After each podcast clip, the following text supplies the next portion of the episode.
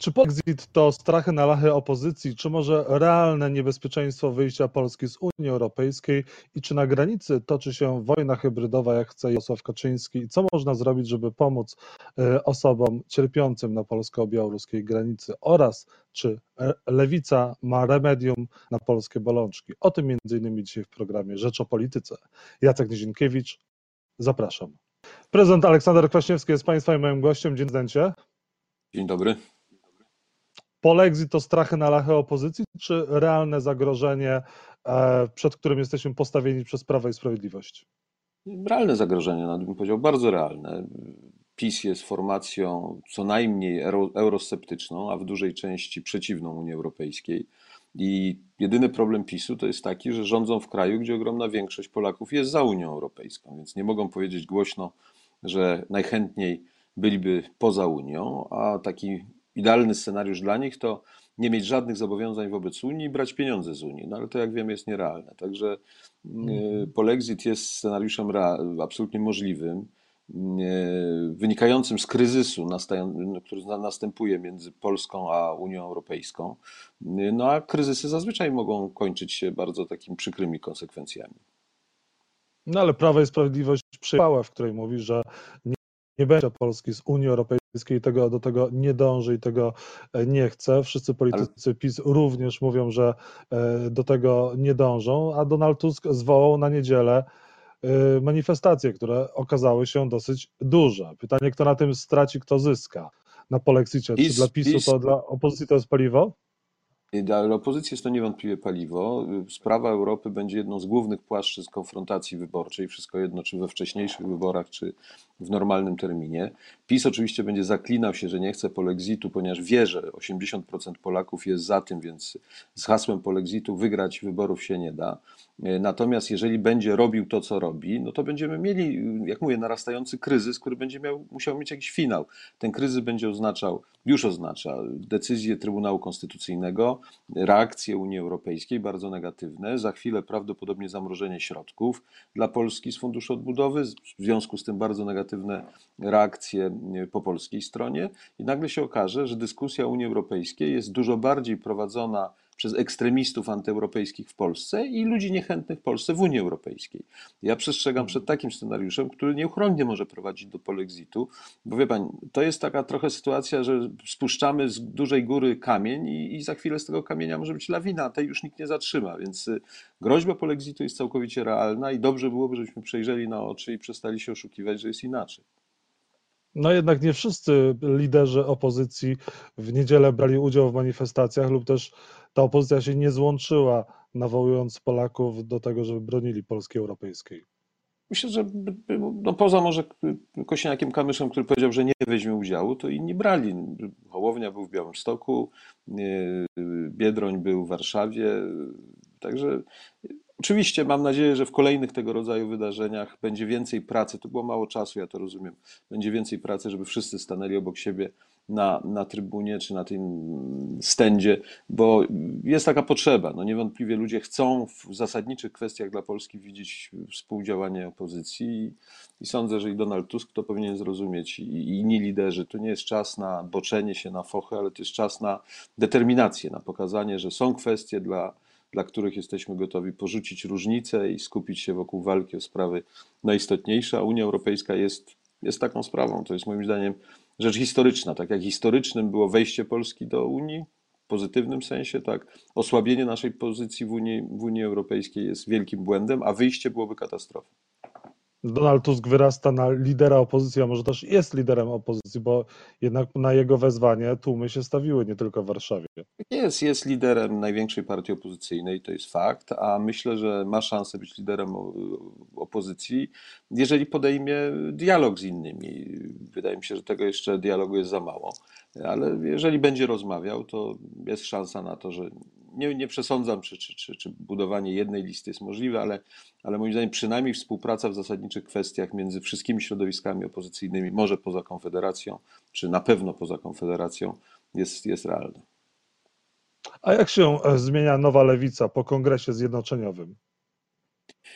No, najważniejsze, że ten, ten, ten poród, który trwał bardzo długo, bo prawie dwa lata, zakończył się szczęśliwie, e, że mamy nową lewicę ukształtowaną, więc teraz czas przejść do działania. Program, który przyjęli, jest moim zdaniem interesujący. Bardzo ciekawi są młodzi ludzie, którzy są w nowej lewicy, szczególnie kobiety, dziewczyny, e, bardzo takie zdecydowane, energiczne, przekonane co do sensu działania. E, no jeżeli z taką energią będą pracować, ja to i mówiłem na tym kongresie, że w tej chwili potrzebna jest praca, praca, jeszcze raz praca, że nie można wierzyć tylko w internet, że nie można wierzyć w aplikacje, nie można wierzyć w ten kontakt online, bo ludzie potrzebują kontaktu in person, tego osobistego. E, jeżeli to będzie, jeżeli zwrócą się do młodego pokolenia, które jest niewątpliwie bardziej progresywne, bardziej lewicowe, no to będzie można odbić się od tych stałych mniej więcej 7% w sondażach i, i być może nawet przekroczyć 10. To będzie długa droga, ale wierzę, że, że jakby ten bóle i, i porodowy i poród zakończył się. Dziecko wygląda obiecująco, yy, już krzyczy, więc powinno być dobrze. Panie prezydencie, jeżeli chodzi o lewicę, to ma pomysł na to, żeby współrządzić, na to, żeby rządzić, na to, żeby odsunąć PiS od, od władzy, czy bez współpracy z Platformą Obywatelską, tak jak powiedział e, Włodzimierz Czarzasty, nie, nikt nie będzie w Polsce rządził. E, Don, e, Włodzimierz Czarzasty powiedział, że bez lewicy po przyszłych wyborach nie da się rządzić. To jest prawda? No, jeżeli patrzymy na dzisiejsze sondaże, a pamiętajmy, że to wszystko jest zmienne, to oczywiście tak. No, po pierwsze, lewica, gdyby poszła z, w tej chwili z y, tymi listami różnymi, no to nie wiem, czy będzie miała więcej głosów niż y, PiS i Konfederacja w Sejmie. Trzeba z tej brutalnej prawdy też zdać sobie sprawę. Jeżeli nastąpią jakieś elementy jednoczenia, wspólne listy, jeżeli ten system Donta wtedy y, no, pomoże nieco, to być może cała ta lewica, cała ta centrolewicowa koalicja, czy konserwatywno-centrowo-lewicowa, czyli dość skomplikowana z natury, y, może mieć większość. I oczywiście bez tych 7% głosów y, lewicy trudno sobie wyobrazić możliwość stworzenia rządu, ale jak mówię, Dzisiaj bym o tym nie dyskutował, bo to jest wszystko płynne. Zobaczymy, jak będzie wyglądało za, za, za pół roku, a, a jeszcze bardziej jak za dwa lata, kiedy, kiedy będą wybory, jeżeli to będzie normalny termin. Panie prezydencie, kim się staje dla rządzących pan Robert Bąkiewicz i, no i narodowcy, którzy zakrzykiwali protestujących e, w trakcie niedzielnego marszu prounijnego, no dali gigantyczne środki. 3 e, miliony 700 e, na samochody i siedzibę studia TV od rządzących. No, odpowiedź, odpowiedź jest prosta. No to jest y, y, finansowane przez rząd, komando y, prawicowe, na pozycjach już skrajnie prawicowych, takich niemalże quasi-faszystowskich, gdy chodzi o, o, o, sposób wyrażania poglądów. No, jak widać, wygodne w niektórych sytuacjach, bo może być wykorzystane bez kłopotów, na przykład dla zakłócania demonstracji opozycyjnych czy demonstracji sił demokratycznych. No, tak, tak to wygląda. Ja innych form aktywności patriotycznej może nie znam, może trochę krzywdzę tych ludzi, ale to, co widziałem i to widzę po raz kolejny, to tak mówię, no to jest zorganizowana grupa, swoiste komando, wykorzystywane przez rządzących dla walki z, z, opozycją. No to, to ta grupa też organizuje 11 listopada zawsze Marsze Niepodległości. E, no, Media podają, że taki mają... charakter, jaki mają. No tak, no ale media podają, że również e, środowisko e, Platformy Obywatelskiej chce organizować 11 marsz, e, listopada odrębny Marsz Niepodległości. To dobry pomysł?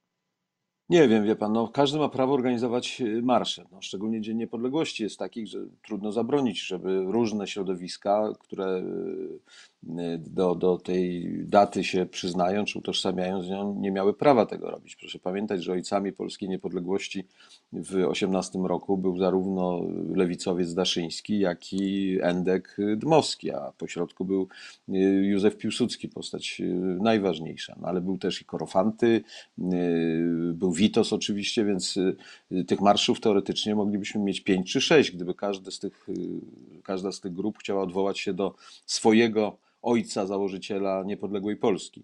Natomiast y, ważniejsze jest co innego. Czy 11 listopada ma być świętem wspólnoty polskiej, czy ma być y, y, walką różnych środowisk? To znaczy, czy 11 listopada ma być dniem pokoju i, i zgody, czy ma być dniem boju i, i, i, dzielenia społeczeństwa? No i tutaj bym się zastanawiał, czy, czy wprowadzać dodatkowe elementy, które by jeszcze raz, jeszcze bardziej nas miały, miały dzielić. No, nie wiem, czy, czy jest taki plan rzeczywiście, żeby 11 listopada opozycja coś robiła, ma do tego prawo. Natomiast obawiałbym się, że wprowadzanie kolejnych elementów takich e, dzielących, e, to, to nie musi być najlepsza metoda.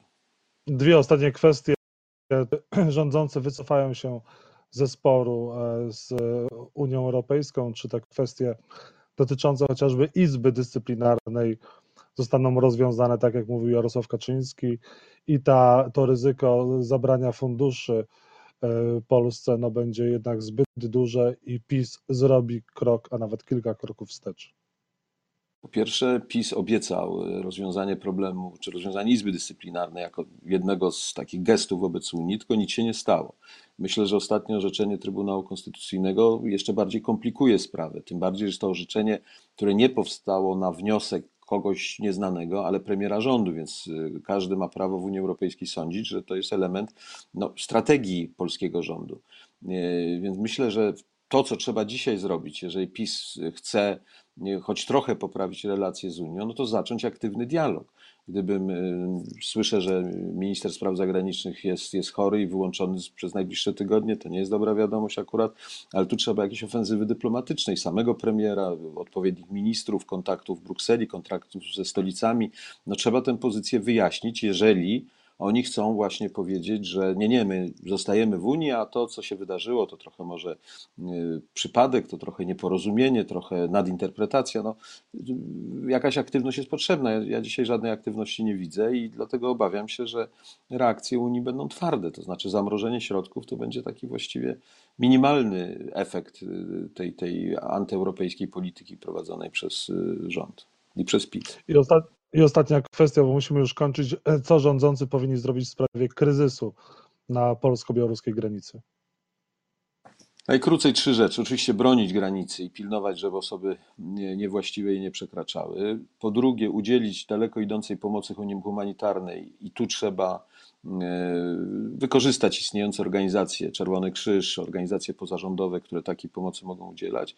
I trzecia rzecz, e, podjąć działania polityczne. Ja bym to zrobił poprzez zaproszenie obserwatorów z Frontexu, obserwatorów z Organizacji Bezpieczeństwa i Współpracy Europejskiej na granicę, żeby zobaczyli, co się dzieje, żeby po prostu zdjąć te oskarżenia, które są dzisiaj w całej prasie e, i dopuścić dziennikarzy w jakichś zorganizowanych grupach na granicę. To też jest ważne, żeby, żeby oni mogli napisać to, co widzą, bo my w tej chwili opieramy się tylko na komunikatach oficjalnych służb. Żeby rozładować również te nieporozumienie tą tykającą bombą, jaką jest e, jakby zamknięcie granicy i zmonopolizowanie jakichkolwiek informacji przez stronę rządową, która z natury rzeczy no, nie ma zaufania 100% ludzi ani w Polsce, ani w Europie. Więc y, na tych trzech płaszczyznach szukałbym rozwiązania. Bronić granicy, udzielić pomocy humanitarnej i zrobić coś politycznie, czyli umiędzynarodowić bardziej tą, tą sprawę i dopuścić dziennikarzy, żeby pokazali, co dzieje się naprawdę. Trzy wskazówki od Aleksandra Kwaśniewskiego dla zobaczymy. Gdybym był prezydentem, posłuchają. to, to bym to Były prezydent Aleksander Kwaśniewski, Państwa i moim gościem był dzisiaj. Bardzo dziękuję za rozmowę. Dobrego dnia. Dziękuję bardzo. Dobrego dnia.